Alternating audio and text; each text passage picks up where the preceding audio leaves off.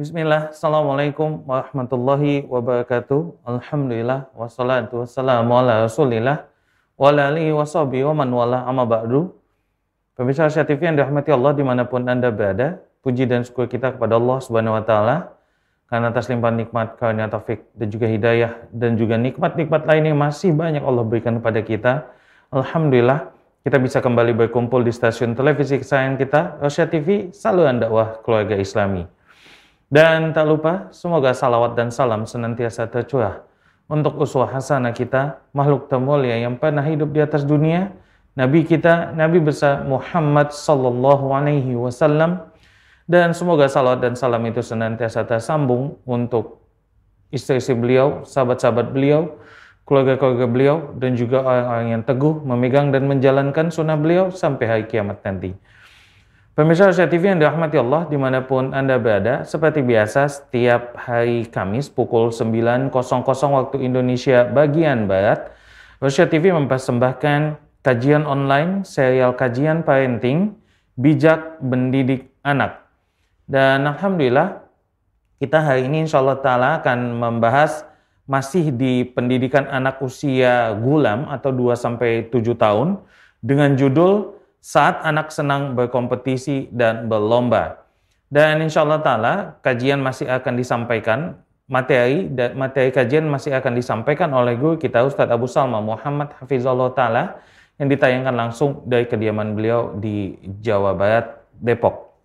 Dan sebelum kita mulai, perlu kami sampaikan kepada Anda semua, pemirsa Syah TV yang dirahmati Allah di mana pun Anda berada, Uh, insya Allah Ta'ala kajian akan dibagi menjadi dua sesi. Di sesi pertama di mana nanti Ustadz akan menyampaikan materi sesuai dengan judul kita pada pagi kali ini, yaitu saat anak senang berkompetisi dan berlomba. Dan dilanjutkan nanti sesi kedua di mana Anda semua bisa melakukan tanya jawab langsung kepada Ustadz baik itu seputar materi ataupun mungkin ada yang ingin ditanyakan, silakan untuk menelpon di line interaktif kami di nomor 0822 88 88 6630. Kami ulangi di 0822 88 88 6630. Ataupun mungkin bagi Anda yang saat ini sedang menyaksikan siaran ini lewat platform digital lainnya seperti Facebook, Instagram, YouTube, silakan untuk mengirimkan pertanyaan Anda di kolom komentar dan insya Allah nanti akan dibantu oleh tim kami untuk disampaikan dan akan kami bacakan untuk disampaikan pada Ustadz jika masih ada waktu yang tersisa.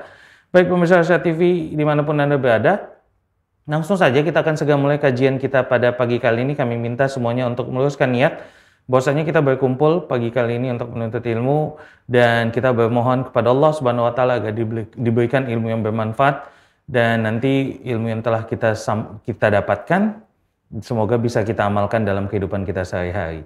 Baik, langsung saja kita akan langsung menuju kota Depok, Jawa Barat untuk mendengarkan kajian kita pada pagi kali ini di serial kajian parenting bijak mendidik anak di pendidikan anak usia 2 sampai 7 tahun atau gulam dengan judul saat anak senang, berkompetisi, dan berlomba. Kepada guru kami Ustaz Abu Salma Muhammad Hafizahullah Ta'ala, Faliyatafaddal maskura Ustaz. Baik Bang Diang, syukran jazakallah khair. Bismillah, alhamdulillah, wassalatu wassalamu ala rasulillah wa ala alihi wa sahbihi wa man wala amma ba'du. فإن أصدق الكلام كلام الله وخير الهدي هدي محمد صلى الله عليه وعلى آله وسلم وشر الأمور محدثاتها وكل محدثة بدعة وكل بدعة ضلالة وكل ضلالة في النار أما بعد Eh,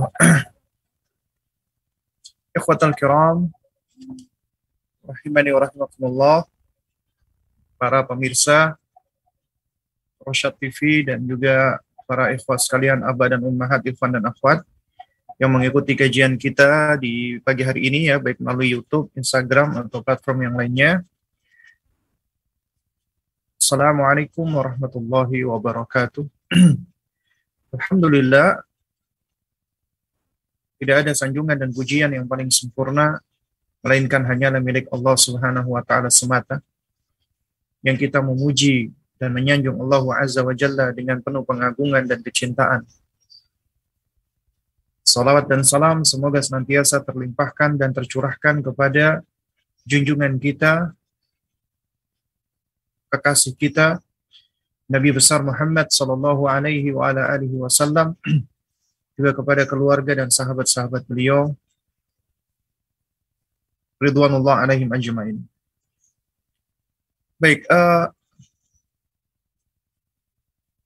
ikhwatal kiram, para pemirsa sekalian yang dimuliakan Allah. Di pagi hari ini kita insya Allah akan melanjutkan kembali ya serial kajian kita yaitu bijak mendidik anak terutama di usia 2 sampai 7 tahun, usia, tufulah atau gulam.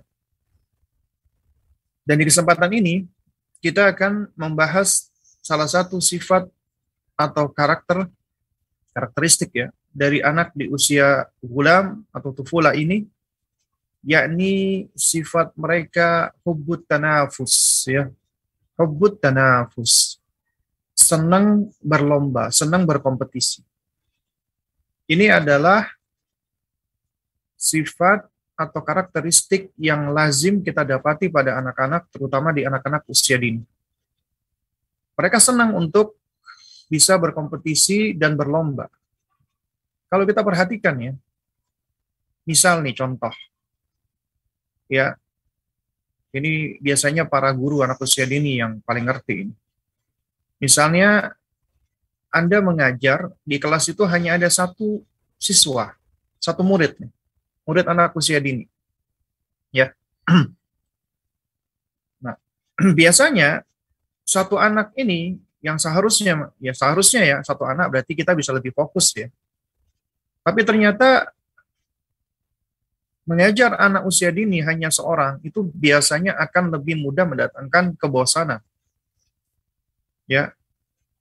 Baik itu anak muridnya ataupun juga gurunya. Anak-anak itu ketika dia sedang bermain sendirian atau belajar sendirian itu akan lebih mudah dan lebih cepat bosan. Umumnya seperti itu. Tapi ketika dia bermain dengan temannya, ada kawannya. Nah, biasanya mereka akan lebih excited, lebih senang. Apalagi kalau di situ sudah muncul yang namanya jiwa kompetisi mereka. Contoh misalnya, ketika guru bertanya atau ketika guru mengucapkan salam, Assalamualaikum warahmatullahi wabarakatuh. Kalau hanya satu orang saja biasanya dia akan menjawab dengan biasa. Tapi ketika ada teman-temannya, mereka akan berusaha untuk berkompetisi. Menjawab dengan siapa yang paling nyaring suaranya. Waalaikumsalam warahmatullahi wabarakatuh. Dan juga ketika ditanya ya oleh gurunya misalnya, eh, bagaimana kabarnya teman-teman sekalian? Ya, kalau cuma seorang diri biasanya cuma ngomong alhamdulillah baik Bu Guru. Tapi kalau dengan teman-temannya mereka akan berlomba-lomba, baik alhamdulillah.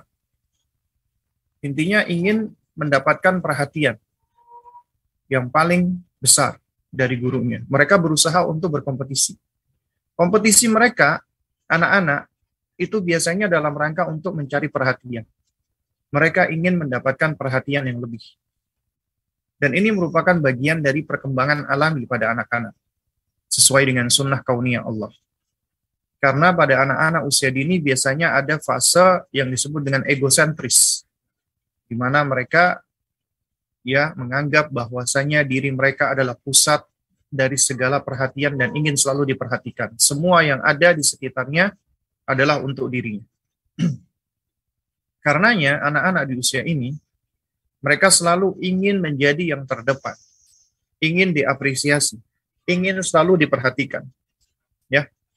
Nah, oleh karena itu inilah yang mendorong mereka untuk senang berkompetisi dan bersaing dengan teman-temannya. Nah, kalau ditanya apakah ini jelek? Tidak. Ya, ini tidaklah jelek. Ini merupakan sifat bawaan umumnya anak-anak. Ya. Jadi secara asal sifat ini sifat yang baik, tidak jelek asalkan orang tuanya mengarahkan. Karena apabila orang tuanya mendidik anaknya dan mengarahkan sifat ini, senang berkompetisi, berlomba, bersaing, diarahkan oleh orang tuanya dengan cara yang tepat, dengan cara yang baik, dengan cara yang bijak, maka ini dapat menjadi faktor yang mendorong dan mendukung anaknya di fase-fase berikutnya sehingga mereka memiliki al-ibtikar yaitu kreativitas atau mereka akan lebih kreatif dan inovatif. Ya. Ini di antara buah ketika kita merangsang atau menstimulasi uh, sifat mereka yang hubut tanafus, senang berkompetisi.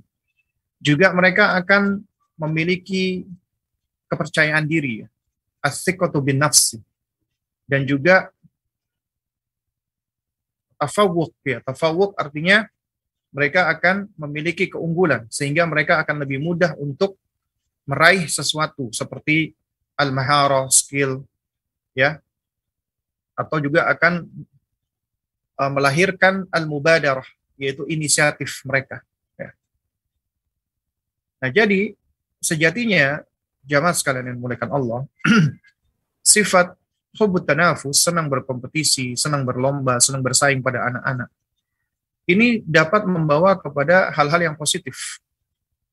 Pertama, anak akan lebih mudah untuk beradaptasi, lebih cepat untuk takayuf ya, adjustment. Dia akan cepat untuk beradaptasi, dia akan mudah untuk beradaptasi. Ya. Karena dia merasa dia tidak mau kalah dengan kawan-kawan yang lainnya. Dan tidak mau kalah ini bukan artinya jelek ya. Nah ini tinggal bagaimana orang tua memberikan arahan saja. Sehingga dia akan cepat untuk beradaptasi. Kemudian yang kedua itu akan menumbuhkan antusiasme, semangat. Ya, semangat mereka untuk melakukan sesuatu. Lalu kemudian yang ketiga juga dengan mereka senang berlomba, senang bersaing, senang berkompetisi, itu juga akan menumbuhkan asik atau binafsi, kepercayaan diri mereka. Mereka akan relatif lebih percaya diri, ya. Karena mereka di situ memiliki teman-teman yang uh, mereka berusaha untuk berlomba dengan mereka. Kemudian yang keempat juga akan melahirkan semangat juang mereka. Mereka akan berusaha untuk berjuang, ya, untuk berupaya dengan semaksimal mungkin. Lalu kemudian juga berikutnya yang keberapa? Yang keenam ya. Uh, mereka juga akan uh, memiliki sifat-sifat yang kreatif dan inovatif. Karena dalam rangka untuk bisa bersaing, maka mereka harus belajar mengasah otak, otak mereka maksud saya. Ya. Sehingga mereka akan lebih bisa untuk ber uh, pemikiran yang inovatif dan kreatif. Lalu kemudian yang ketujuh juga mereka belajar tentang yang namanya kesabaran. Karena yang namanya perjuangan, upaya itu pasti ada ada hal-hal yang mengharuskan mereka untuk menerima. Ya. Dan ini dia mengajarkan mereka yang namanya kesabaran.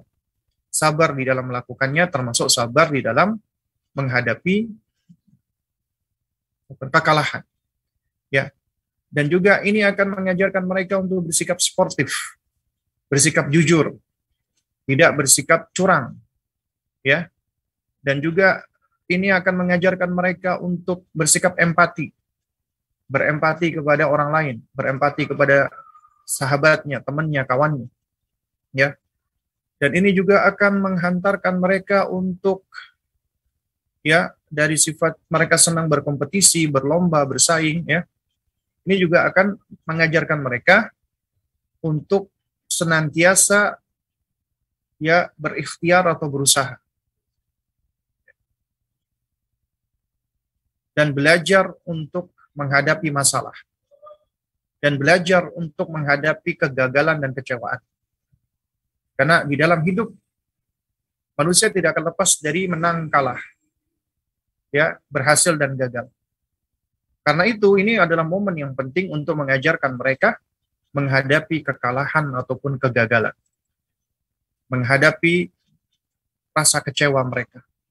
Menghadapi kesedihan mereka. Ini penting sekali sebagai ya skill kehidupan mereka.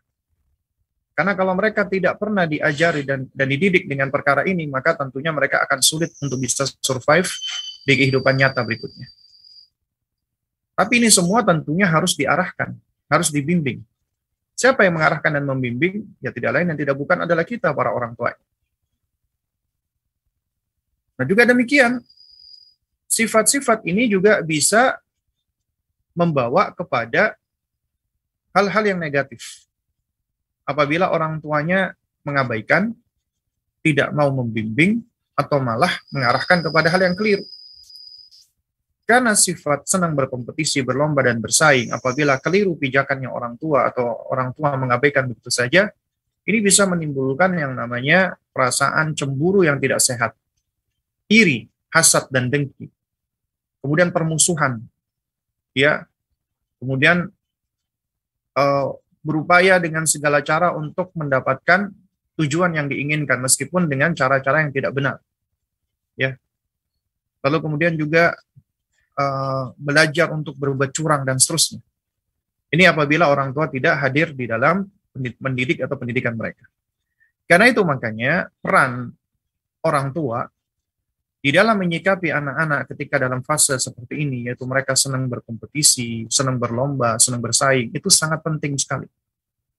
Artinya orang tua mau nggak mau ya harus hadir, harus membersamai. Ya mengajarkan kepada mereka dan membimbing mereka bagaimana mereka bisa berkompetisi, berlomba, dan bersaing secara sehat. Nah, lalu bagaimana caranya ya para orang tua untuk bisa mendidik anak-anak ketika mereka dalam fase seperti ini agar mereka bisa berkompetisi secara sehat? Di sini ada sejumlah tips sebenarnya, ya, yang perlu untuk dipahami oleh kita sebagai orang tua ya. Nah, jadi yang pertama adalah ya kita harus sudah mulai tanamkan ke, ke dalam diri anak kita, ajarkan kepada mereka bahwa yang namanya perlombaan, yang namanya kompetisi, itu selalu ada namanya menang dan kalah.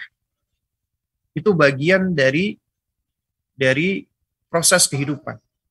Di dalam perlombaan itu adalah bagian dari uh, apa ya istilahnya uh, fragmen kehidupan yang bersifat mini atau kecil. Ya. Dan di dalamnya itu ada menang dan kalah. Menang dan kalah itu biasa. Ya. Karena itu ajarkan bahwasanya menang dan kalah bukanlah tujuan kita berkompetisi. Kita berlomba bukan untuk ya meraih menang dan kalah bukan. Tapi yang paling penting adalah bagaimana kita berupaya dan berusaha. Upaya dan usaha itulah yang paling penting. Ya. Bahkan sejatinya ya kita harus ajarkan dan kita camkan khususnya ke dalam diri kita sebagai orang tua karena sering kali yang punya paradigma yang keliru yang punya mindset yang keliru adalah kita para orang tua ya kita memiliki paradigma atau mindset mindset yang yang salah yaitu apa kita ternyata lebih banyak melihat anak kita lebih fokus kepada hasilnya bukan kepada usaha padahal seharusnya kita fokus kepada usaha bukan kepada hasilnya Ya. Jadi yang penting adalah usahanya, upayanya. Ya, upaya ya agar apa? Agar mereka mau untuk berikhtiar, mau untuk berusaha. Karena sejatinya yang perlu kita camkan apa? yang perlu kita camkan adalah ya kemenangan yang sebenarnya, kemenangan yang sejati adalah manakala kita ya mau berupaya dengan semaksimal mungkin, kemudian kita mau mengakui kekalahan kita dan berbesar hati.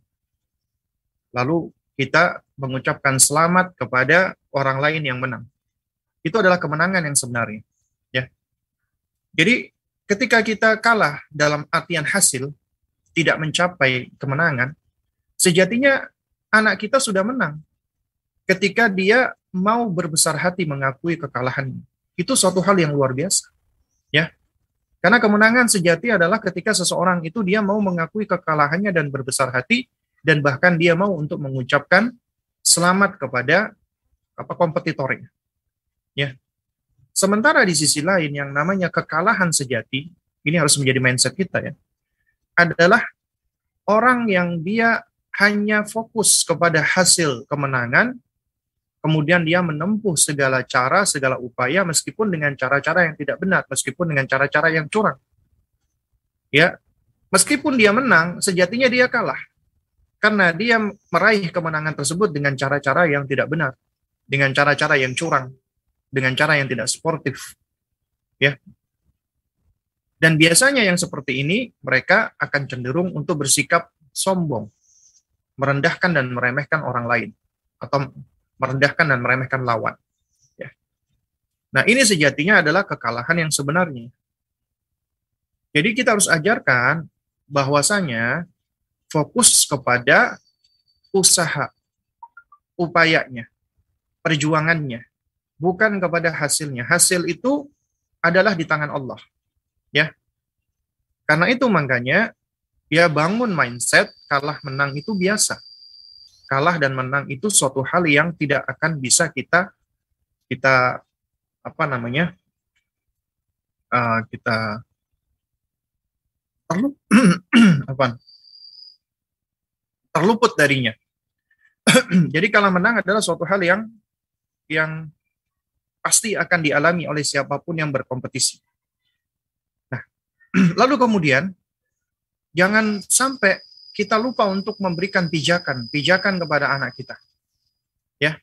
Ajarkan bahwasanya apabila mereka mengalami atau mendapatkan kemenangan, maka itu adalah karunia dari Allah. Hada min fadli rabbina itu adalah karunia dari Rob kita. Kalau karunia berarti harus disyukuri. Harus bersyukur kepada Allah Subhanahu wa taala. Ya. Dan kita harus meyakini itu dari Allah bukan semata-mata dari diri kita ataupun dari diri anak kita. Ketika anak kita menang, maka jangan sekali-kali kita anggap itu karena hebatnya anak kita, canggihnya anak kita, pinternya anak kita. Tidak. Itu semua adalah karunia dari Allah. Itu semua adalah pemberian dari Allah. Bedanya parenting kita Islam dengan parenting kafir, parenting orang-orang barat atau orang-orang kafir itu hanya fokus kepada ya perjuangan anak kita secara murni. Jadi keberhasilan dan kegagalan mereka adalah karena mereka sendiri. Kalau mereka berhasil berarti mereka memang karena hebat secara substansinya, secara zatnya mereka hebat. Tapi kita tidak. Kita meyakini bahwa kemenangan dan keberhasilan datangnya dari Allah Subhanahu wa taala. Karunia dari Allah.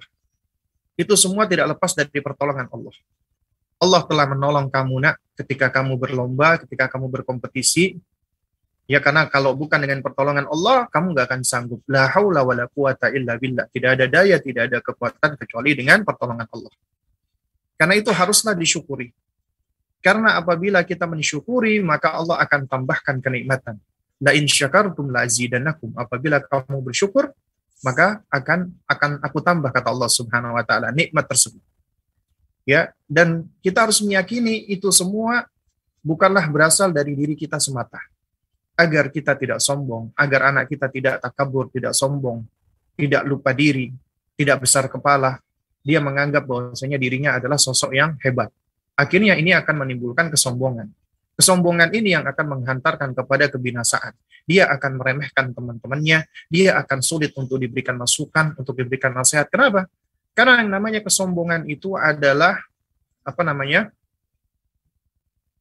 Batarul haq wa nas, menolak kebenaran dan meremehkan manusia. Dan ini akan mudah diperoleh oleh mereka-mereka yang mendapatkan kemenangan ya lalu kemudian mereka lupa diri dan mereka besar kepala.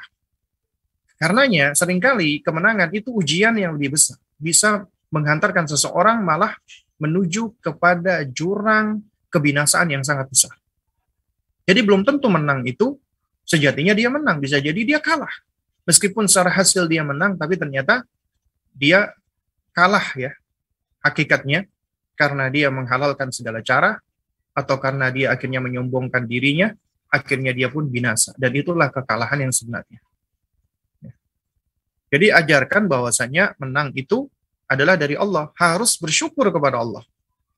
Harus diyakini itu semua dengan pertolongan Allah. Karenanya pijakannya adalah ketika anak kita memperoleh kemenangan, lomba apa pun itu, lomba misalnya baca Quran, tilawah Quran, lomba menulis, lomba mewarnai, kita katakan, Masya Allah, Alhamdulillah, ya, Allah berikan kamu ya nak kemenangan, Allah berikan kamu ya nak keberhasilan. Ya. Kita katakan itu pertama kali, jangan uh anak Umi hebat banget, kamu emang hebat ya. Kamu memang pinter begini, pinter begitu ya. Ini adalah konsepsi pijakan-pijakan yang berangkat dari ya konsepsi orang-orang barat, orang-orang kafir, ya pola pengasuhan atau pola parenting dari orang-orang barat. Hanya memuji anak kita ya secara zatnya. Lupa untuk mengembalikan itu semua kepada Allah. Padahal kita sejatinya adalah makhluk ciptaan Allah, hamba Allah yang lemah, yang mana kita tidak mampu untuk melakukan apa pun kecuali dengan pertolongan Allah. Karenanya Rasulullah SAW itu menasehati Abdullah bin Abbas junior, Abdullah bin Abbas kecil maksud saya, itu dari kecil udah dinasehati idza sa'alta fas'alillah wa idza sta'anta fasta'in billah.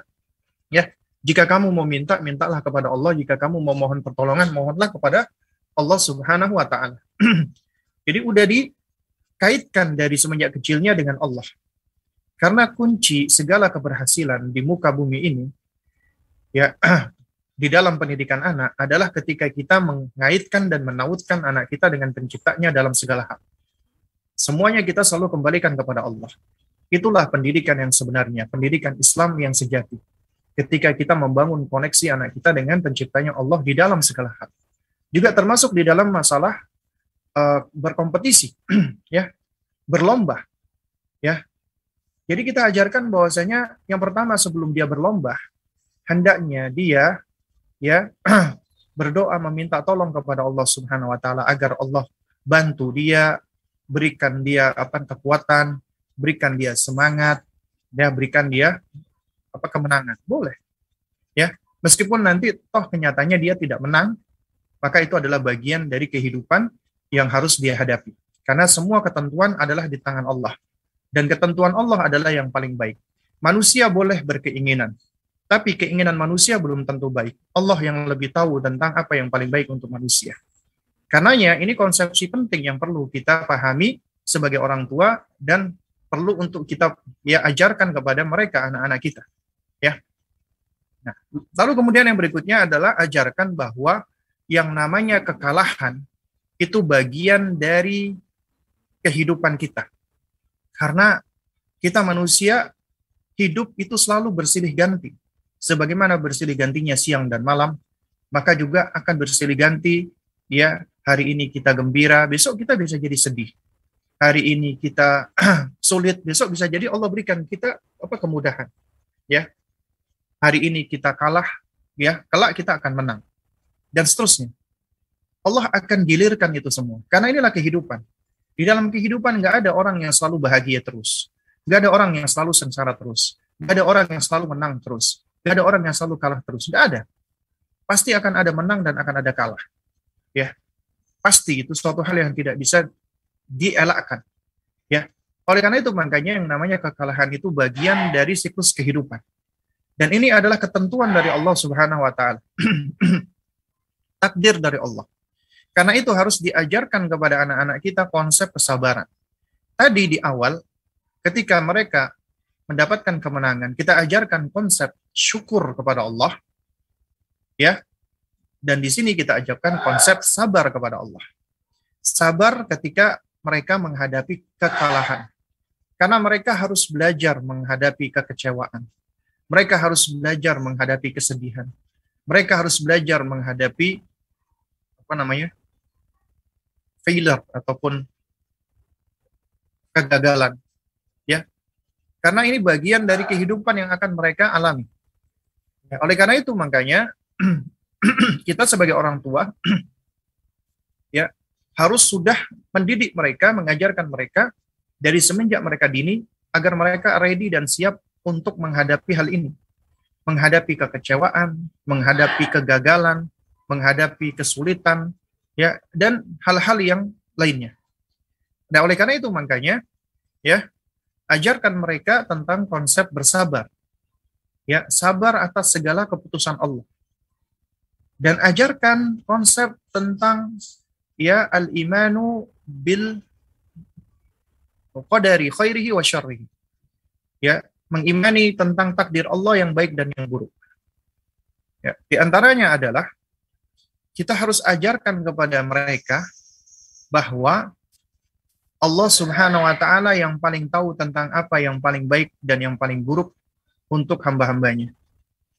Karena itu, apabila Allah menentukan bagi seseorang kekalahan, maka kekalahan itu adalah yang paling baik untuk dirinya. Karena bisa jadi ketika dia menang, mungkin dia akan malah menghadapi kekalahan yang sebenarnya. Dia lupa diri, dia sombong, ya atau dia menjadi congkak, atau dia meremehkan orang lain, atau dia malah ya jatuh kepada hal-hal negatif. Sehingga akhirnya dengan diuji dengan kekalahan, maka dia akan belajar untuk berjuang, untuk memperbaiki diri, untuk tidak menyerah, untuk tidak give up, tidak berputus asa, tidak minder, tidak berkecil hati. Ya. Itulah buah dari menghadapi kekalahan. Tugas kita sebagai orang tua adalah kita harus dampingi anak kita untuk untuk menghadapi hal ini. Ya. Makanya kita sebagai orang tua haruslah mengapresiasi prosesnya anak dan usaha anak, bukan hasil akhirnya. Meskipun mereka misalnya gagal atau kalah, maka tetap kita apresiasi. Karena kita mengapresiasi usaha mereka. Masya Allah, nak. Umi bangga sama kamu, nak. Ya, karena kamu yang penting sudah berusaha. Ya, Umi tidak begitu memikirkan kamu menang atau enggak. Ya, yang penting kamu sudah berusaha usaha itulah yang udah menunjukkan kamu adalah seorang juara. Ya. Jadi mental juara itu yang paling penting. Ketika dia sudah berusaha, ketika dia sudah uh, berikhtiar, dia sudah berjuang, maka itulah yang harus kita kita apa namanya? kita apresiasi. Ya. Jangan malah kita hanya fokus kepada hasil. Atau malah kita mengkritisi anak kita atau kita banding-bandingkan dia. Gimana sih kamu dengan dia kalah? ah kamu gimana sih gitu aja kok nggak bisa, ah kamu gimana sih gitu aja. Ini yang malah akan apa? Membunuh semangatnya mereka, membunuh mental berjuangnya mereka. Ya. Dan ini lebih berbahaya lagi. Karena ketika kita mengkritisi mereka seperti ini yang bisa membunuh ya mental berjuangnya mereka, maka mereka akan menjadi orang orang yang pasif. Ya, mereka kelak akan bertumbuh menjadi anak-anak yang enggan untuk berusaha. Karena mereka sudah merasa dirinya kalah. Kenapa? Karena sudah ditusuk dengan kalimat orang tuanya, dengan kalimat-kalimat yang tanpa disadari ternyata itu bisa membunuh mereka. Yang dalam tanda kutip ya. Dan ini adalah suatu hal yang sangat berbahaya sekali bagi anak-anak. Karenanya kita sebagai orang tua harus berhati-hati nih. Di dalam berbicara, di dalam mengkritik, termasuk di dalam memuji. Ada sebagian orang tua, ya mereka memuji anaknya yang berhasil wah kamu memang anak Umi luar biasa, kamu anak Abi yang hebat, ya anak Abi yang paling hebat seantero dunia, ya anak yang wah pokoknya dipuji habis-habisan. Yang namanya anak-anak senang gak dipuji? Senang, manusia senang dipuji, apalagi anak-anak, apalagi dalam fase egosentrisnya. Karena yang mereka cari adalah perhatian dari orang tuanya, apalagi perhatian itu dalam bentuk apresiasi dan pujian. Dan kalau kita terlalu berlebihan atau keliru, tidak memiliki pijakan di dalam memuji, itu malah bisa menyembelih mereka. Ya mohon maaf ya kalau bahasanya agak kasar ya.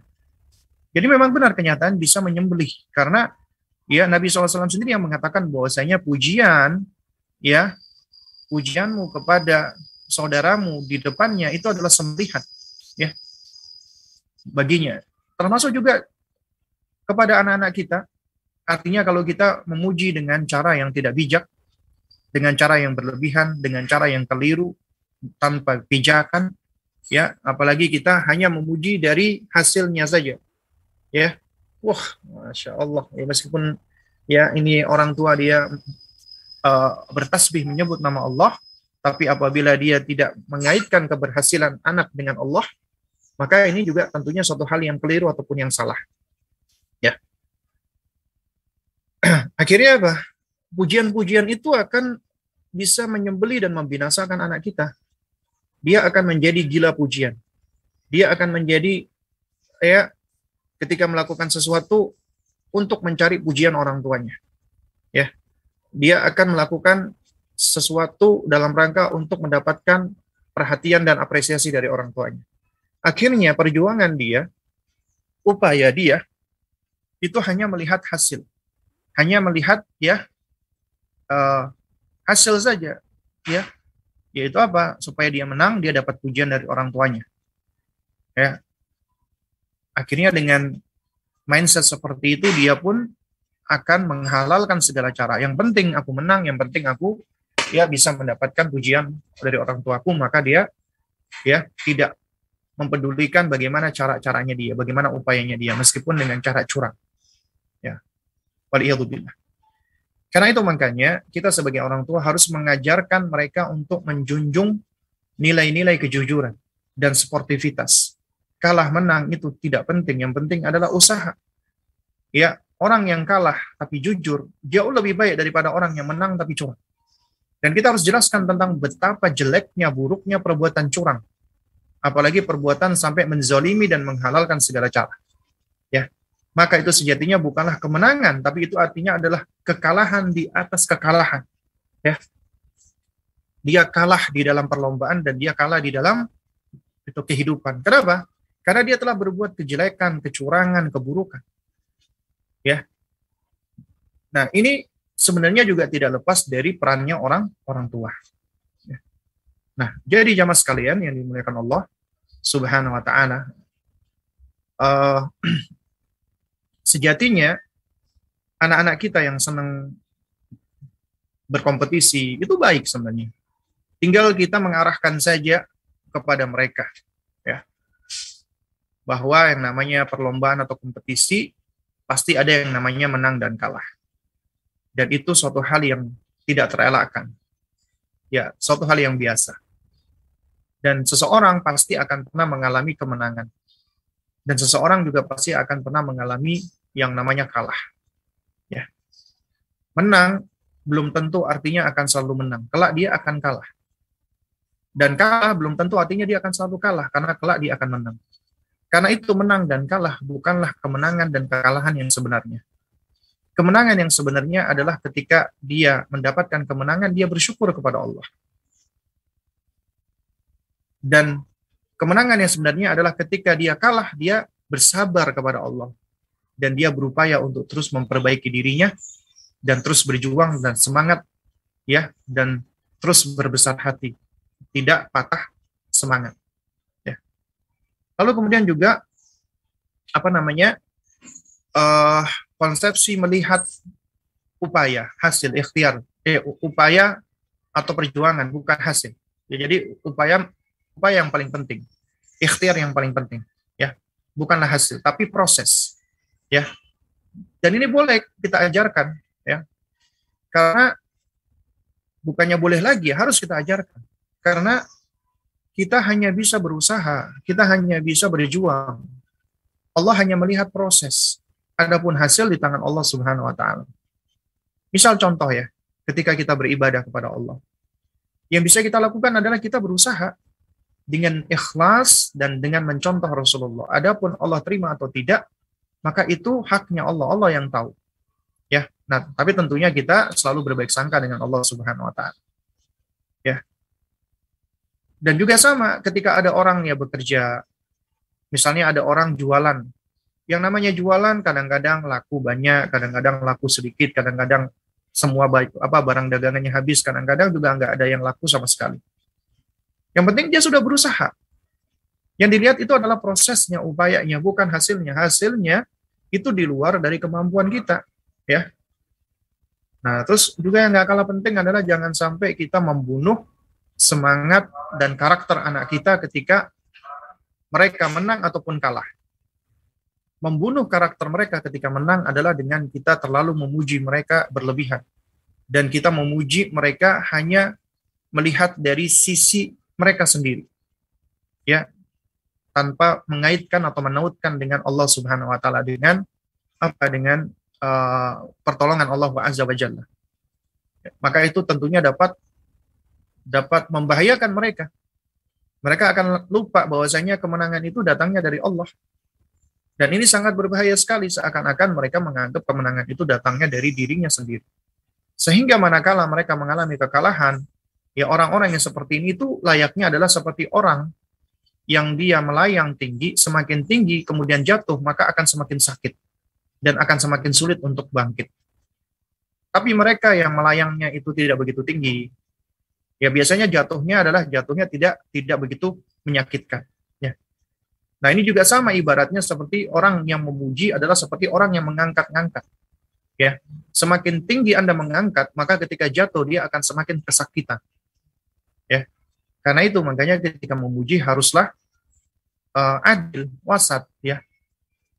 Ya, harus sesuai dengan dengan uh, dengan kondisinya dan ujilah upayanya atau usahanya.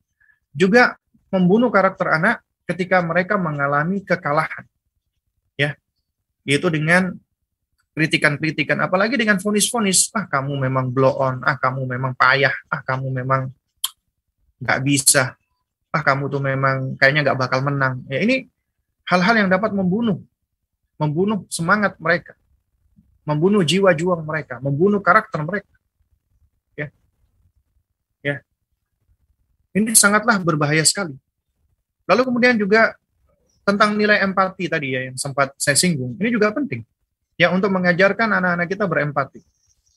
Artinya semua yang sedang berkompetisi itu sama seperti kamu nak, punya perasaan, punya hati, sedih, gembira, sama. Ya. Karena itu makanya ketika kita mengajarkan mereka untuk berkompetisi, ajarkan selalu untuk berempati.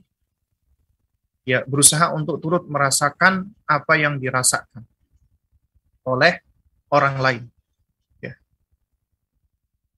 Artinya ketika ketika mereka menang, ya, maka ajarkan mereka untuk selalu rendah hati, tidak takabur dan tidak sombong dan tidak meremehkan dan memandang rendah ya teman-temannya.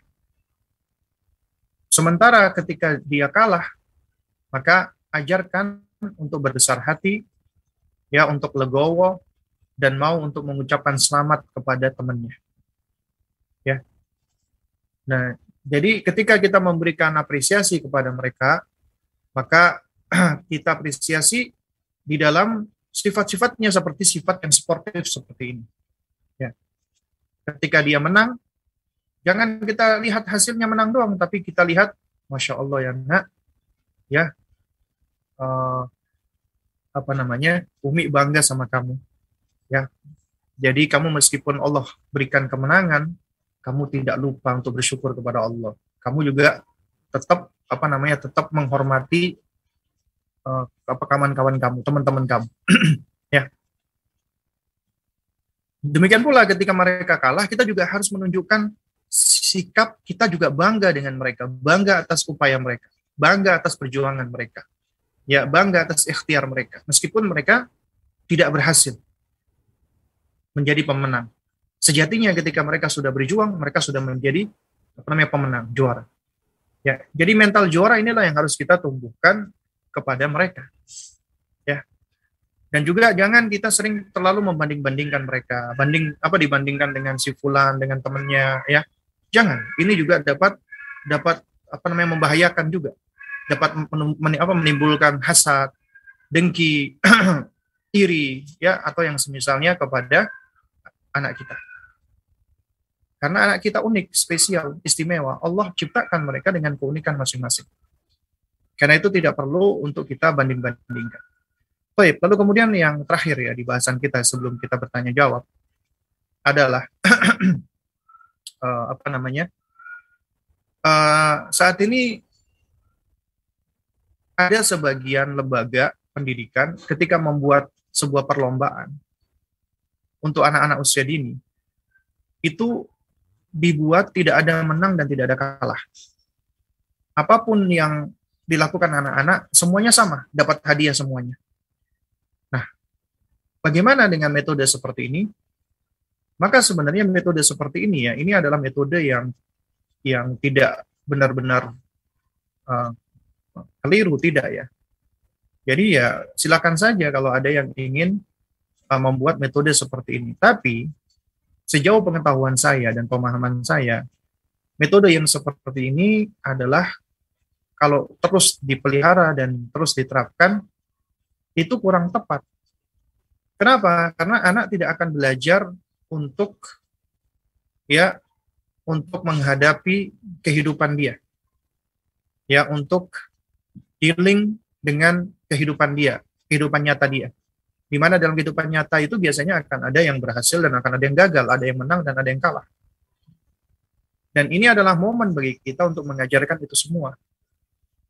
Kalau semuanya diajarkan udah berlomba, ya padahal ada yang ada yang apa namanya terdepan ya sejatinya menang tapi dianggap semuanya menang, nggak ada yang kalah, maka ini juga dikhawatirkan bisa menghilangkan semangat atau spirit untuk berjuang, spirit untuk berkompetisi. Ya selain bisa menghilangkan itu tadi uh, nilai-nilai uh, pendidikan ya uh, untuk mengajarkan mereka konsepsi menang dan kalah dan bagaimana menghadapinya. Ya.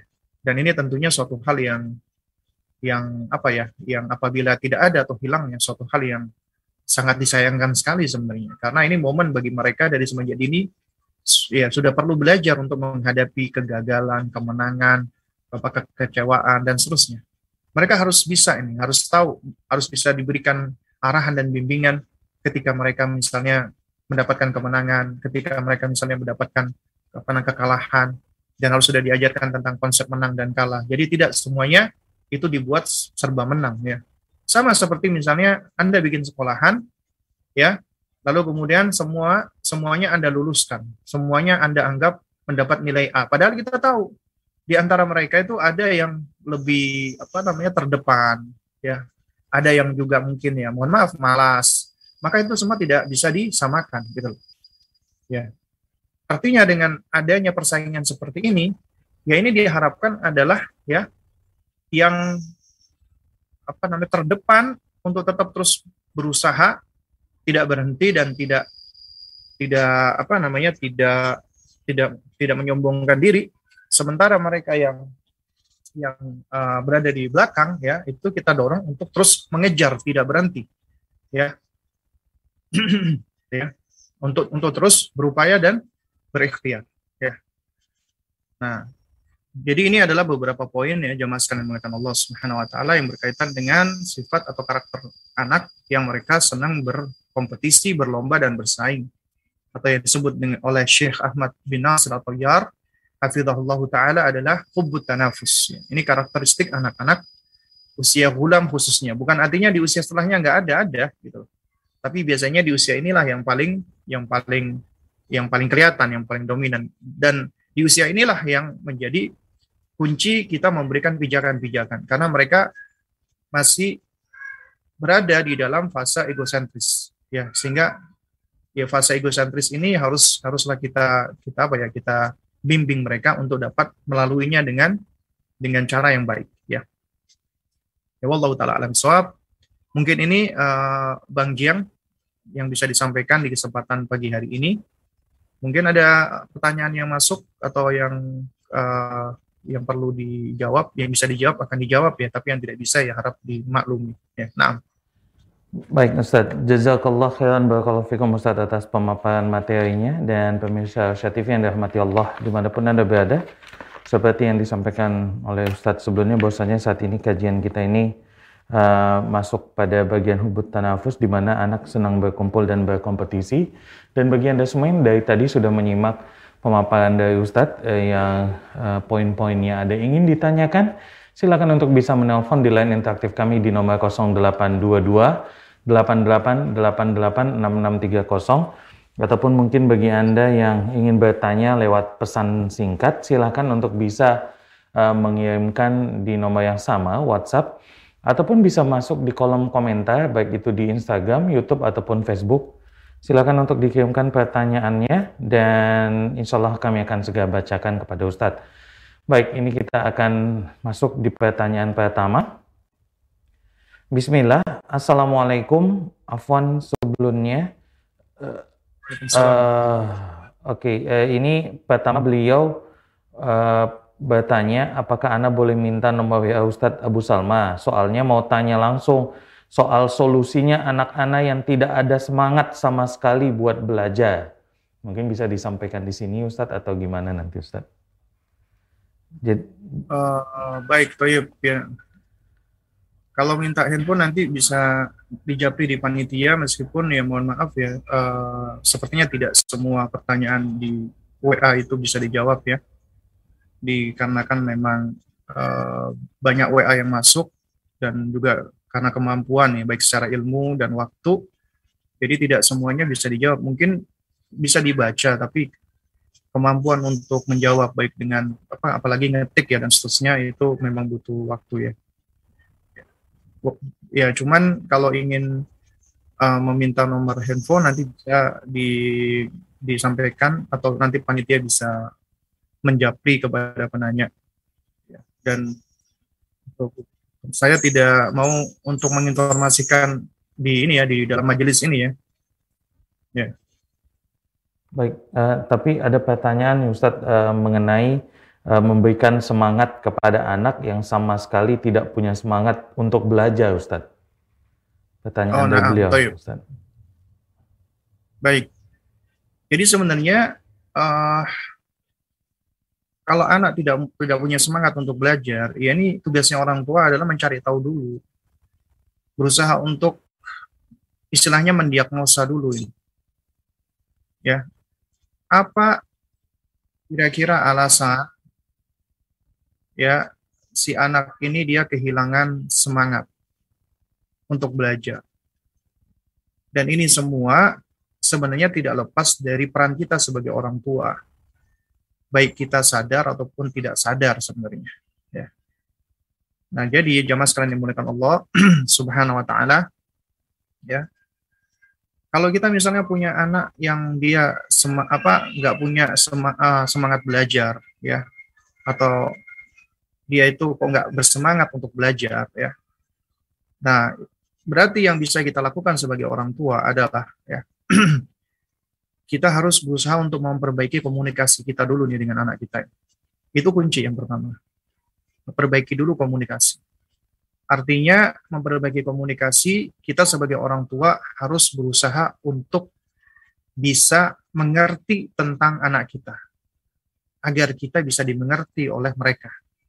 Kita juga harus berusaha untuk bisa ya memahami mereka agar kita pun juga bisa dipahami oleh mereka. Jadi kunci yang pertama adalah komunikasi. Artinya ya kita harus belajar untuk berkomunikasi bukan hanya secara verbal tapi secara non verbal. Ya. untuk bisa berbicara karena ini kunci. Karena ketika Anda hendak mendiagnosa, mencari tahu tentang suatu permasalahan akar masalah, itu bukan hanya sekedar mengamati. Ya, jadi pengamatan itu hanya kita bisa menilai dari sisi zohir. Tapi yang lebih tahu tentang apa yang dia rasakan, yang dia alami, itu adalah dirinya sendiri tentunya setelah Allah. Karenanya kita ya harus berupaya untuk menganamnesis istilahnya. Artinya mencoba mencari tahu dari sisi si anak apa yang dia rasakan, apa yang dia pikirkan, apa yang dia inginkan. Ya kita berusaha untuk mencari tahu gitu loh ya dan ini semua kita nggak bisa tahu kecuali dia sendiri yang mau menceritakan.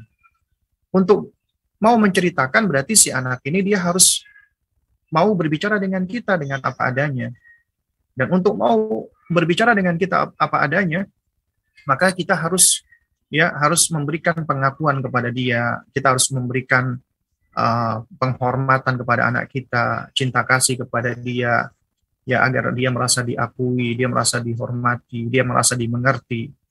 Nah, baru setelah itu dia akan mau untuk menyampaikan apa yang ada di dalam dirinya. Nah, karena ketika kita sudah tahu nih apa yang ada di dalam dirinya, apa yang dia rasakan, maka kita bisa melangkah ke hal-hal yang berikutnya, yaitu apa? Kita berusaha untuk memperbaiki.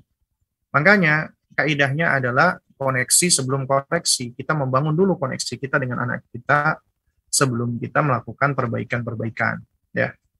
Nah, dalam hal mereka kehilangan semangat untuk belajar, kita harus cari tahu dulu kenapa dia kok nggak mau belajar, apa yang melatar belakang ya. Bisa jadi karena dia merasa bosan, bisa jadi karena dia merasa nggak mampu, bisa jadi karena dia merasa uh, ini suatu hal yang menurut dia tidak bermanfaat, atau bisa jadi ini suatu hal yang membosankan, atau bisa jadi yang lain-lainnya.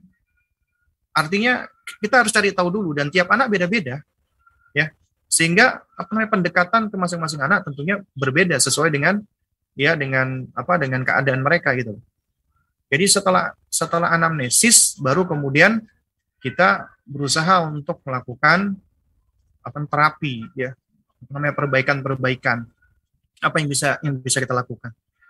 nah, kuncinya memang untuk belajar atau menuntut ilmu adalah kita berusaha untuk menumbuhkan mahabbah, kecintaan anak. Artinya apa namanya tahbibuhum ya ilal ilm, menjadikan mereka mencintai ilmu. Nah, untuk menjadikan mereka mencintai ilmu ini memang butuh waktu, butuh proses. Ya. Karena apabila kita juga keliru di dalam melakukan pengasuhan, itu bisa jadi mereka nggak suka dengan ilmu. Kenapa? Karena misalnya kita cenderung suka memaksa, kita suka marah, suka ngomel, atau kita suka mengkritisi dia, atau kita mungkin menfonis dia, atau kita pokoknya banyak lah hal-hal yang bisa menyebabkan mereka kehilangan semangat untuk belajar atau menuntut ilmu. Ya. Nah, jadi itu tadi namanya perbaiki dulu komunikasi kita dengan mereka agar kita bisa mendapatkan informasi dari anak kita apa yang dia rasakan, apa yang dia yang dia pikirkan ya. Nah, baru dari situ kita bisa ini kita bisa untuk langkah ke yang berikutnya. ya. Dan setelah itu baru kita berupaya ini supaya bagaimana anak kita ini muncul lagi semangatnya ya untuk mau belajar, untuk mau menuntut ilmu dan ini memang butuh proses. Ya wallahu a'lam Nah.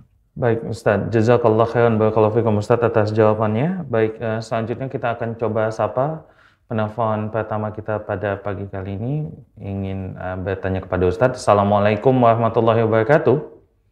Waalaikumsalam warahmatullahi wabarakatuh. Dengan Ibu siapa di mana Ibu? dengan Umu Khalid dari Pekanbaru. Baik, Umu Khalid di Pekanbaru. Uh, silakan untuk langsung bertanya kepada Ustadz, Um. Ya. Assalamualaikum Ustadz. Assalamualaikum warahmatullahi wabarakatuh.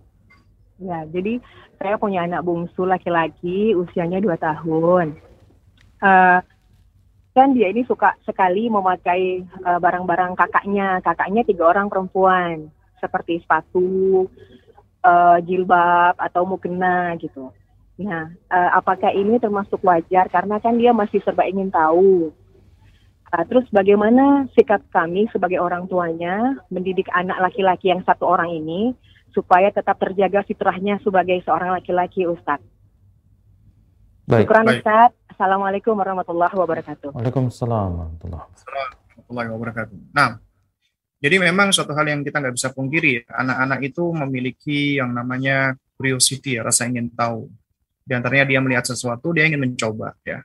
Mungkin termasuk juga sandal, pakaian dari uh, orang lain, eh, orang sekitarnya, termasuk kakak-kakaknya ya, apalagi kakak-kakak perempuannya. Oleh karena itu di sini yang perlu kita pahami bersama ya dalam rangka untuk menjaga ya uh, sifat maskulinitas ya atau ya fitroseksualnya anak kita apalagi anak usia 2 tahun ya, itu sebenarnya kita harus melibatkan uh, suami ataupun ya adanya sosok laki-laki yang yang bisa dia dia apa ya yang bisa dia dia indera gitu loh, yang bisa dia lihat, dia dengar, dia apa namanya perhatikan. Itu harus ada, harus harus hadir. Ya. Sosok laki-laki uh, untuk si anak ini. Karena apabila tidak ada sosok anak apa sosok laki-laki, maka dia akan cenderung untuk menyerap orang-orang yang ada di sekitarnya. Ya, dalam hal ini kalau semuanya perempuan ya dia akan cenderung untuk mengikuti ya gaya-gaya atau sifat-sifat perempuan ya. Uh, meskipun ibunya sudah sudah sudah mengajarkan, sudah menerangkan kamu laki-laki, kamu beda sama perempuan, tapi sedikit banyak dia akan dipengaruhi Ya, makanya penting untuk menghadirkan sosok laki-laki di dalam pendidikan.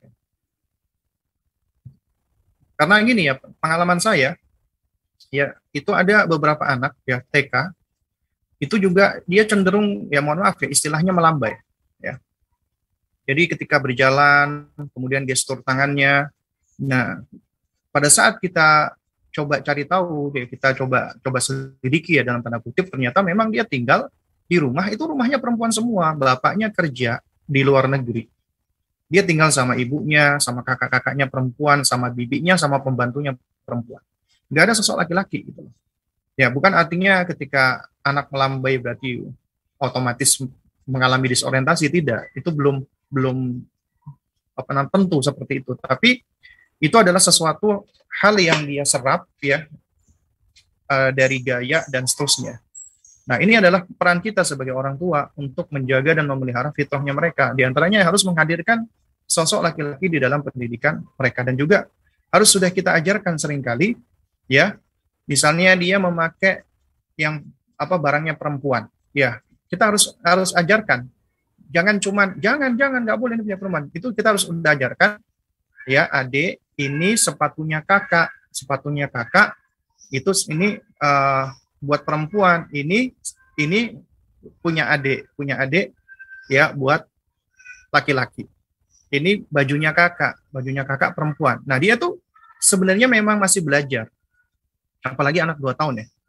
Artinya dia sedang mengenal gender, dia sedang mengenal identitas seksualnya dia.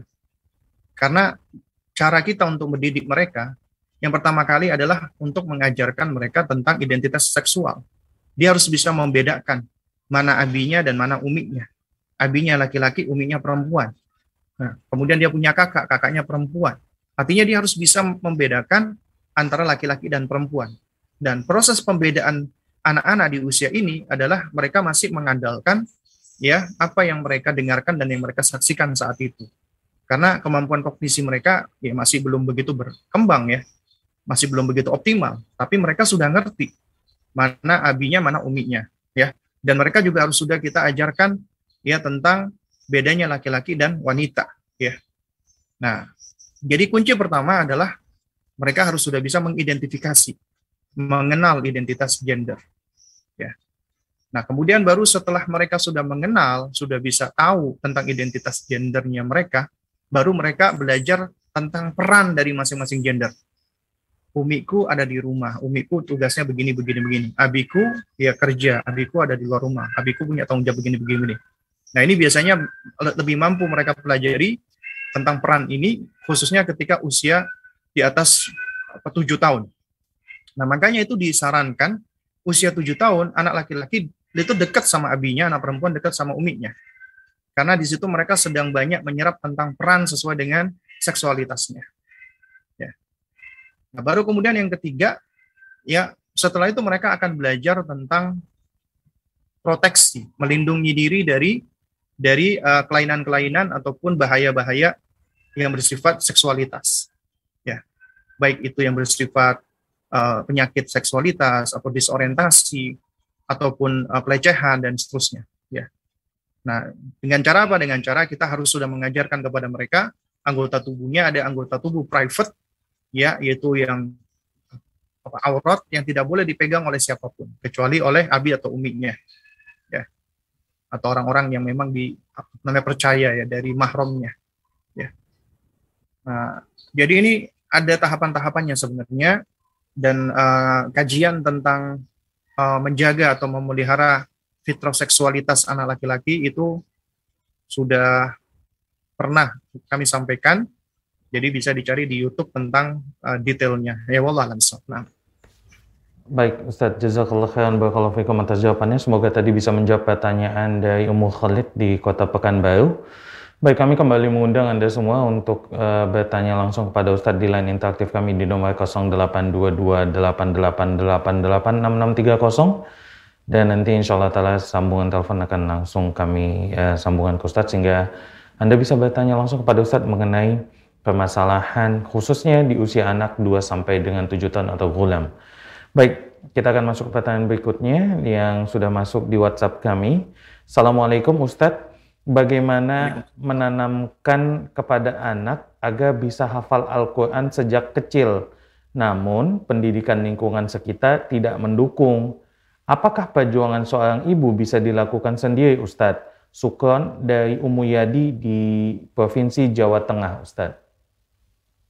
Nah, betul. Jadi yang pertama adalah sebelum kita ingin mengajarkan anak kita menghafal Al-Quran, adalah ajarkan dulu iman. Ajarkan dulu masalah yang paling utama, yaitu masalah al-iman. Dia mengenal Allah, ma'rifatullah, kenalkan tentang Allah penciptanya, yang mana apabila anak-anak kita itu semakin mengenal Allah, maka akan tumbuh mahabbatullah, mencintai Allah subhanahu wa ta'ala. ajarkan dulu iman, ya ajarkan dulu iman, ya. Pendidikan hati dulu ya. Sebelum kita mengejar tentang ya hafalan ya. Lalu kemudian yang kedua ya didik dia juga untuk mencintai Al-Qur'an dulu sebelum dia membaca ataupun menghafalkan Al-Qur'an jelaskan tentang hakikat Al-Quran. Dan ini memang butuh pembahasan panjang. Ya. Tapi intinya kita harus mendidik dia agar mencintai Al-Quran. Al-Quran itu adalah kalamullah, firman Allah subhanahu wa ta'ala, perkataan Allah azza wa jalla. Ya, bukan perkataan makhluk atau bukan ciptaan Allah. Itu harus sudah kita ajarkan. Ya, tentang Al-Quran, tentang hakikat daripada Al-Quran, tentang keutamaan Al-Quran dan seterusnya. Agar ya mereka itu mencintai dan menyayangi Al-Quran. Jadi kuncinya pertama kali adalah uh, membuat mereka cinta dulu. Tahbibuhum ilal Quran, menjadikan mereka mencintai Al-Quran. Ya, kemudian yang ketiga adalah ya kita tidak fokus untuk mengejar kuantitas hafalan dulu, apalagi di usia mereka di bawah tujuh tahun.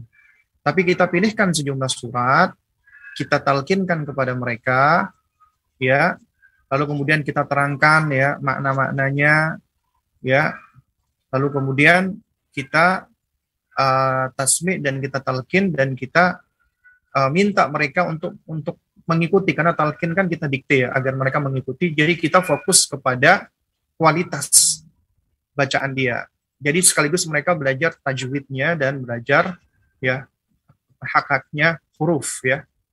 Jadi termasuk apa namanya makhrajnya ya makhraj dan tajwid. Ya, jadi lebih baik sedikit tapi bacaannya bacaannya benar dan baik dan itu juga bermanfaat karena mereka sedang belajar bicara ya. Ya, daripada mereka banyak menghafal tapi ternyata bacaannya banyak yang keliru panjang pendeknya dan makhrajnya karena tentunya yang namanya tahjir yang merubah itu lebih sulit ya. Ya, ketimbang taksil ya. Ya. Jadi fokus kepada kualitas, jangan kepada kuantitas. Ya. Lalu kemudian yang keempat, ya kita sebagai orang tua harus mencontohkan. Ya kita mencontohkan dengan cara kita banyak membaca Al-Quran, banyak menelaah Al-Quran, dan kita sering-sering mentasmi Al-Quran apa apa kepada anak kita. Ya dan kita nggak perlu uh, apa namanya terlalu terpaku ya melihat kondisi lingkungan yang orang-orang yang mungkin begini dan begitu ya ingatlah bahwasanya yang bisa menjaga anak kita sejatinya adalah Allah Subhanahu wa taala. Kita memang ditugaskan untuk memelihara dan menjaga anak kita, tapi kita nggak mampu menjaga anak kita terus-menerus 24 jam non-stop dan seterusnya. Nggak, nggak bisa. Jadi yang bisa menolong anak kita sejatinya adalah Allah. Karena itu makanya kuncinya ketika Allah mengamanatkan anak tersebut kepada kita, maka kita laksanakan kewajiban itu ya, tapi kita nggak akan bisa melakukan kewajiban itu tanpa pertolongan Allah. Karena itu makanya kuncinya adalah kita berupaya untuk menguatkan ikatan diri kita dengan Allah. Artinya kita sendiri harus berusaha untuk semakin dekat dengan Allah, banyak bertakorup kepada Allah, membangun koneksi kita dengan Allah. Maka niscaya Allah akan akan memudahkan kita untuk membangun koneksi kita dengan selain Allah Subhanahu wa taala.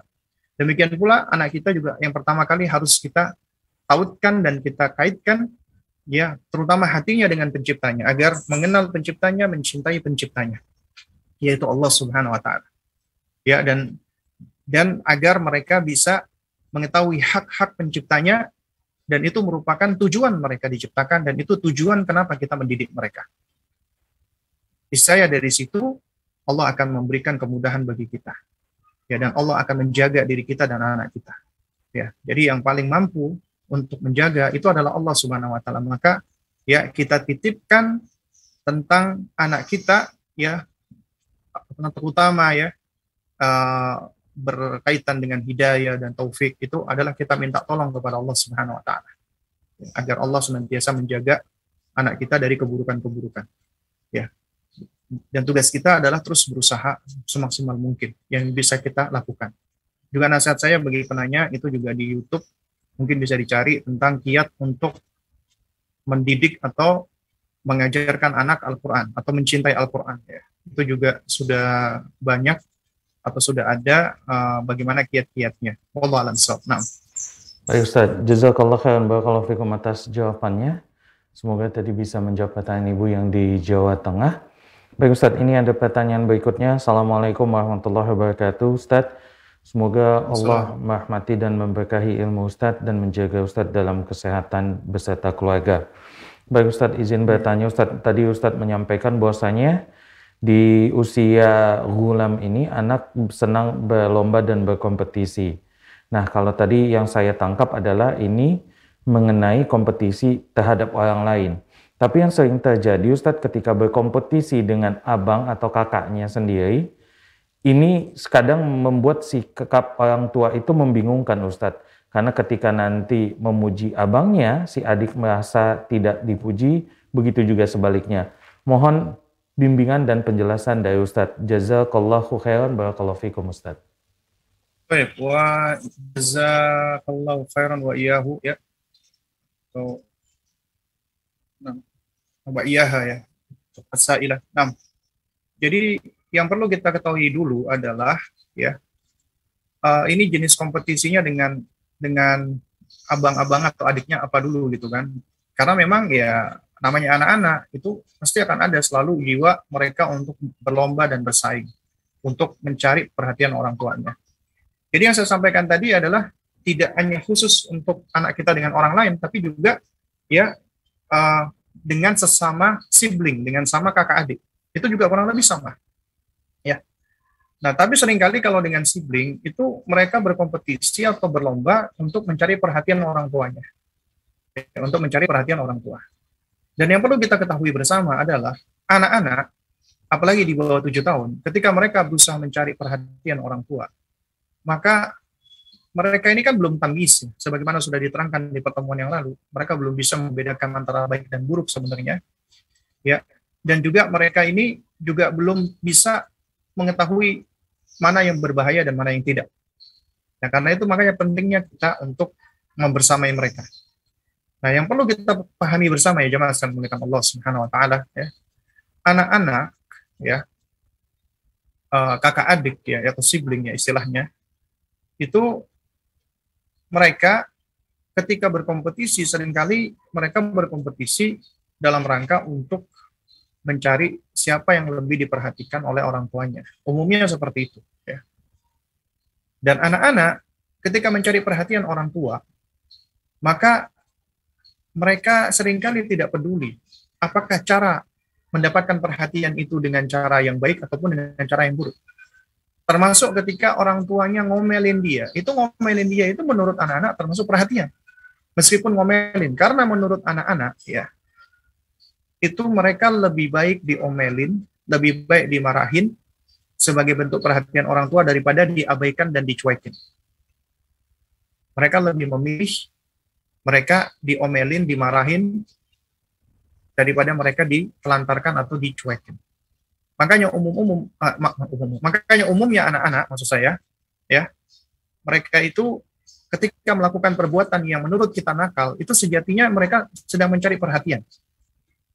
Karena konsepsi buat anak-anak usia dini, mereka itu belum ada yang berbuat nakal. Nggak ada yang berbuat nakal. Karena mereka belum tahu tentang masalah baik dan benar sebenarnya. Itu tugas kita untuk mengarahkan mereka. Ya, jadi sebutan anak nakal itu nggak ada. Untuk anak usia dini itu adalah stigma yang diberikan oleh orang-orang dewasa kepada mereka. Ya, untuk anak-anak. Makanya dikatakan sebagai anak nakal. Karena mereka di dalam usia seperti ini ya yang belum yang belum tamyiz, yang masih banyak didominasi dengan egosentris dan seterusnya, ya itu mereka sebenarnya sedang mencari perhatian dari orang tuanya. Nah, karena itu ini haruslah pinter-pinternya orang tua dan bijak-bijaknya orang tua bisa bersikap adil di dalam memberikan perhatian. Ya, tanpa berlebihan dan juga tidak mengentengkan atau meremehkan. Lalu bagaimana kita menyikapi apabila ada kakak adik misalnya mereka itu melakukan sesuatu kalau yang kakaknya dipuji maka harus dikembalikan dulu kepada jenis perbuatannya jadi penting banget untuk kita mentafsil atau mendetailkan atau memperinci tentang jinsul amal, jenis amal, jenis perbuatan. Ya, ini jenis perbuatannya apa dulu? Karena tiap jenis perbuatan tentunya berbeda-beda. Ya, misal contoh, ya sang kakak dan sang adik misalnya berlomba, misalnya contohnya uh, mereka sedang bermain bersama dengan orang tuanya. Mereka sedang hafal uh, lomba menghafal, ya misalnya lomba menghafal Al-Quran. Kemudian sang adik mampu menghafal, sang abang tidak apa belum mampu menghafal. Ya, Lantas bagaimana cara kita sebagai orang tua? Kalau misalnya kita puji sang adik, sang kakak nanti dia merasa cemburu, ya. Tapi kalau sang adik tidak diapresiasi, ya, atas upayanya, maka dia maka dia akan menganggap ya menambah hafalan dan tidak menambah hafalan ya kurang lebih sama aja dong gitu loh. Sementara mereka kepingin mendapat perhatian dari orang tuanya di antaranya apresiasi. Lantas apa yang kita lakukan? Yang kita lakukan adalah yang pertama kali adalah memberikan pijakan sebelum kita memfasilitasi mereka untuk berkompetisi. Ya, pijakannya adalah ya kita semua di sini dalam rangka untuk berusaha berupaya. Abi sama Umi melihat proses upaya, bukan melihat hasil. Ketika sang adik misalnya dia menghafal Al-Quran dengan mudah karena memang Allah berikan kelebihan, maka kita uji sesuai dengan ya dengan uh, dengan apa namanya dengan yang yang yang yang telah dilakukan oleh sang adik tadi. Dan kita juga mengapresiasi sang abang ketika dia sudah berupaya berusaha, tapi ternyata dia masih banyak lupa, tetap kita apresiasi. Ya, Abi sama Umi, abang bangga sama kamu, karena kamu Abi lihat sudah berusaha. Jadi terus berusaha bang, insya Allah, insya Allah bisa bang tetap kita motivasi dia. Ya, artinya begini loh.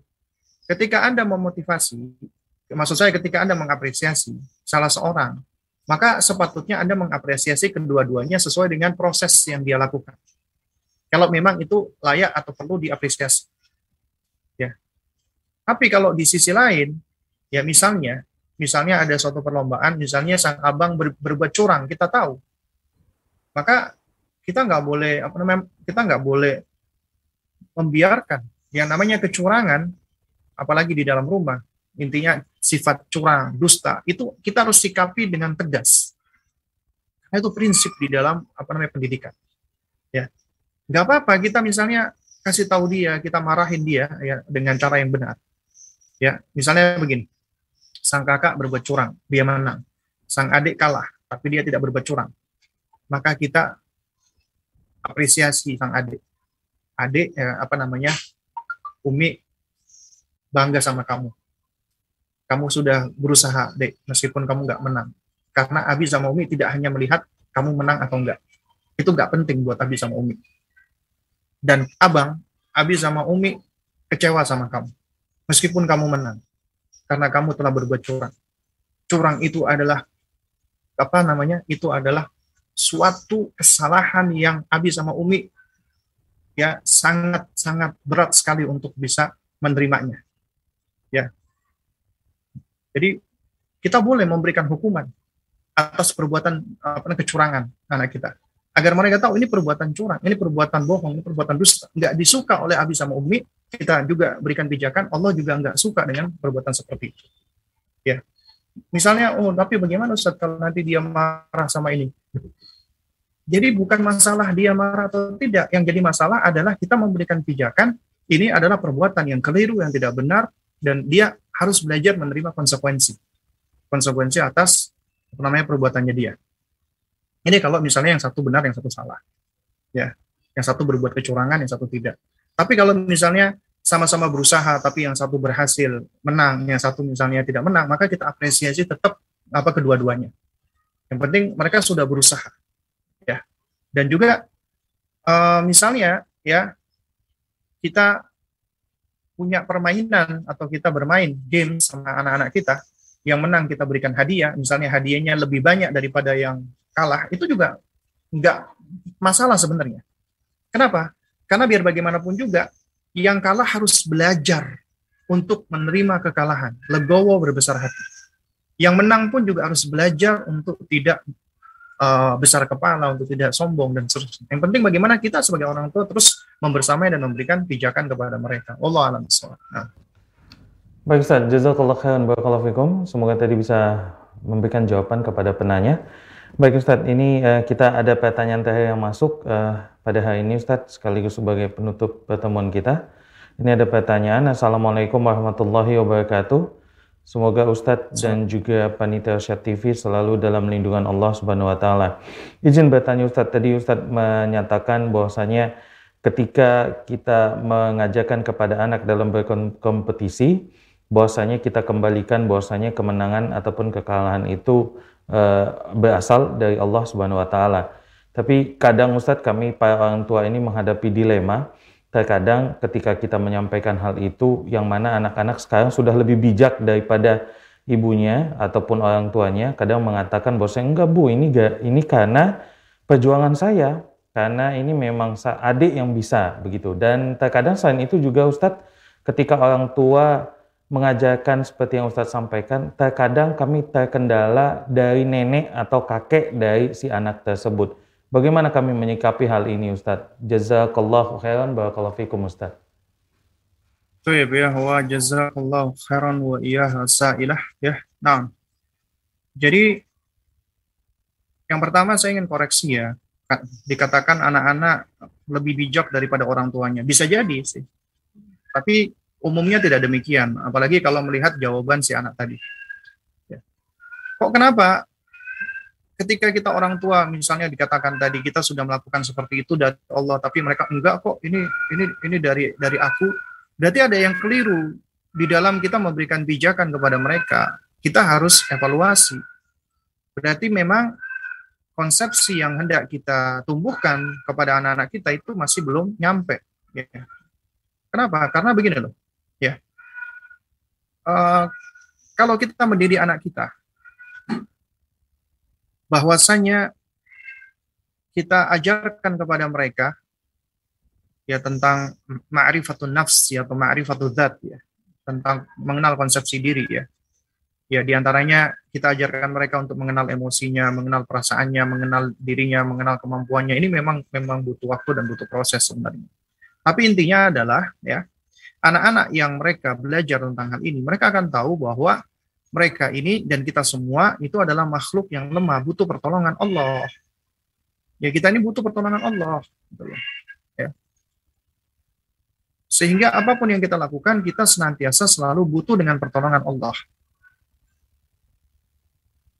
Kita bisa contohkan, kita ajarkan misalnya ketika azan berkumandang, kita ajarkan adab ketika mendengarkan azan. Di antaranya kita mengulangi bacaan azan. Tapi ketika muadzin mengucapkan hayyalal salat dan fala, kita tidak mengulangi ucapan yang sama. Karena ketika muadzin mengatakan, ayo mari kita sholat, ayo mari kita menuju kemenangan, apa yang diajarkan oleh Rasulullah? Ya, Nabi SAW mengajarkan kita untuk mengucapkan apa? hauqalah ya. La haula wala quwata illa billah. Tidak ada daya, tidak ada kekuatan kecuali dengan pertolongan Allah. Artinya, ketika kita memenuhi panggilan Allah, salat, itu sejatinya karena Allah. Hidayah dari Allah. Itu harus kita tumbuhkan kepada mereka. Karena kalau kalau mereka malah menolak seperti itu, maka kita yang yang patut untuk memperbaiki. Ada yang keliru dengan cara kita. Misalnya ya, anak kita kita katakan, Masya Allah, kamu berhasil karena ya pertolongan Allah enggak itu adalah dari aku. Nah, berarti keliru nih. Ada yang keliru dengan cara kita. Ada yang salah dengan cara kita. Ya. Entah cara kita berkomunikasi atau entah cara kita memberikan pijakan atau entah karena kita memang juga masih apa namanya perlu untuk banyak belajar ya. Jadi kita harus evaluasi ya, muhasabah introspeksi dan memperbaiki diri. Karena apabila anak punya konsepsi seperti itu, maka kita harus luruskan gitu loh. Ya, bukan masalah anak lebih pinter, anak lebih lebih bijak. Enggak, ini bukan suatu hal yang bijak malah. Ini malah tidak bijak. Dan orang tua juga bisa bisa jatuh kepada perbuatan yang jauh jauh apa lebih tidak bijak lagi. Kalau misalnya tidak bisa menjawab dan menjelaskan kepada anaknya. Ya. Jadi dari kecil harus sudah diajarkan semua apa yang ada pada kamu. Nah, itu adalah pemberian Allah, milik Allah. Dari kecil dia harus sudah diajarkan ketika mereka ya misalnya bermain ya uh, tentang anggota tubuhnya, mereka belajar untuk memegang, melompat. Itu kalau di dalam konsepsi parenting-parenting yang umumnya itu anak-anak hanya distimulasi sesuai dengan perkembangannya lalu kemudian dipuji itu bahwasanya adalah dari dirinya sendiri. Masya Allah. Ya, ya, bahkan sering kali gurunya bilang, wah kamu hebat ya, kamu sudah bisa memegang, ah kamu hebat ya, kamu sudah bisa melompat. Jadi hanya dikembalikan kepada zat dirinya. Ini keliru di dalam konsepsi parenting Islam. Tidak seperti itu. Di dalam konsepsi parenting Islam adalah Masya Allah, kamu bisa melompat-lompat ya. Ya, karena kamu punya kaki. Siapa yang memberikan kamu kaki? Allah. Allah yang kasih kamu kaki. Ya, Allah sayang sama kamu. Jadi kamu harus bersyukur kepada Allah dan seterusnya. Itu seharusnya yang menjadi kunci kita, pijakan kita gitu loh. Semuanya dikembalikan kepada Allah. Ketika dia berhasil melakukan sesuatu, kita kembalikan itu karena pertolongan Allah. Kalau ini anak mengatakan enggak, bukan Allah aku, berarti ada yang bolong di dalam pendidikan kita gitu loh. Harus kita cari tahu, cari solusi. Muhasabah introspeksi. Lalu bagaimana menghadapi kakek dan neneknya yang turut campur intervensi? Ya, ya mau nggak mau ya kita harus tegas dan punya komitmen prinsip. Ya kita sampaikan kepada mereka Bapak, Ibu, matur nuwun atau kita terima kasih sudah banyak uh, namanya membantu. Nah, cuman kita jelaskan ya uh, Bapak Ibu sudah ya dulu ketika saya masih kecil kan sudah sudah mendidik saya nih. Saya mengucap kami mengucapkan terima kasih banyak ya kan. Sekarang berikanlah kesempatan kepada saya untuk bisa mendidik anak saya gitu loh. Jadi uh, intinya Bapak Ibu boleh ngasih masukan, ngasih saran ke kami gitu kan, tapi tetap yang nanti yang akan yang akan menentukan adalah kami gitu. Karena Allah menitipkan anak itu kepada kita gitu loh. Bukan kepada kakek neneknya. Waktunya Bapak sama Ibu udah selesai ketika mendidik saya, ketika mendidik kami gitu. Sekarang waktunya oh, izinkan kami untuk mendidik anak-anak kami. Ya, ya, tapi sampaikan dengan cara baik. Kalaupun tersinggung maka ya itu di luar dari kapasitas kita karena kita cuma bisa menyampaikan. Yang penting kita sampaikan dengan cara yang baik. Ketika tersinggung kita minta maaf dan tetap kita berbuat baik kepada mereka. Tetap anak itu tanggung jawab kita. Amanatnya kita, ya. Jadi harus kita didik ya sesuai dengan cara yang kita ketahui dan kita pahami ya yaitu cara-cara yang memang uh, sesuai dengan konsep Islam yang tidak yang tidak menyelisihi uh, Al-Quran dan Sunnah. Ya, Allah taala alam bisawab ya. Mungkin Baik. ini yang dapat saya sampaikan, kurang lebihnya saya mohon maaf mhm. apabila ada hal-hal yang kurang berkenan ya. Nah. Baik Ustaz. Baik Ustaz, jazakallah khairan barakallahu fikum atas jawabannya. Baik pemirsa Asia TV yang dirahmati Allah di mana pun Anda berada. Dan demikian baik sudah seluruh pertemuan kita di mendidik anak usia 2 sampai dengan 7 tahun atau bulan saat anak sedang senang berkompetisi dan berlomba. Alhamdulillah tadi Ustadz uh, guru kita Ustadz Abu Salma Muhammad Hafizullah Ta'ala sudah memberikan banyak sekali faedah. Di antaranya bahwasanya hubut tanafus ini bisa membawa hal positif, membuat anak mudah beradaptasi, menumbuhkan antusias, antusias, antusiasme, kepercayaan diri, semangat juang bersaing, dan lain-lainnya. Kemudian tapi juga bisa membawa hal negatif jika tidak dibimbing orang tua, karena bisa menimbulkan rasa cemburu, iri hasad, dengki, permusuhan, dan berbuat curang.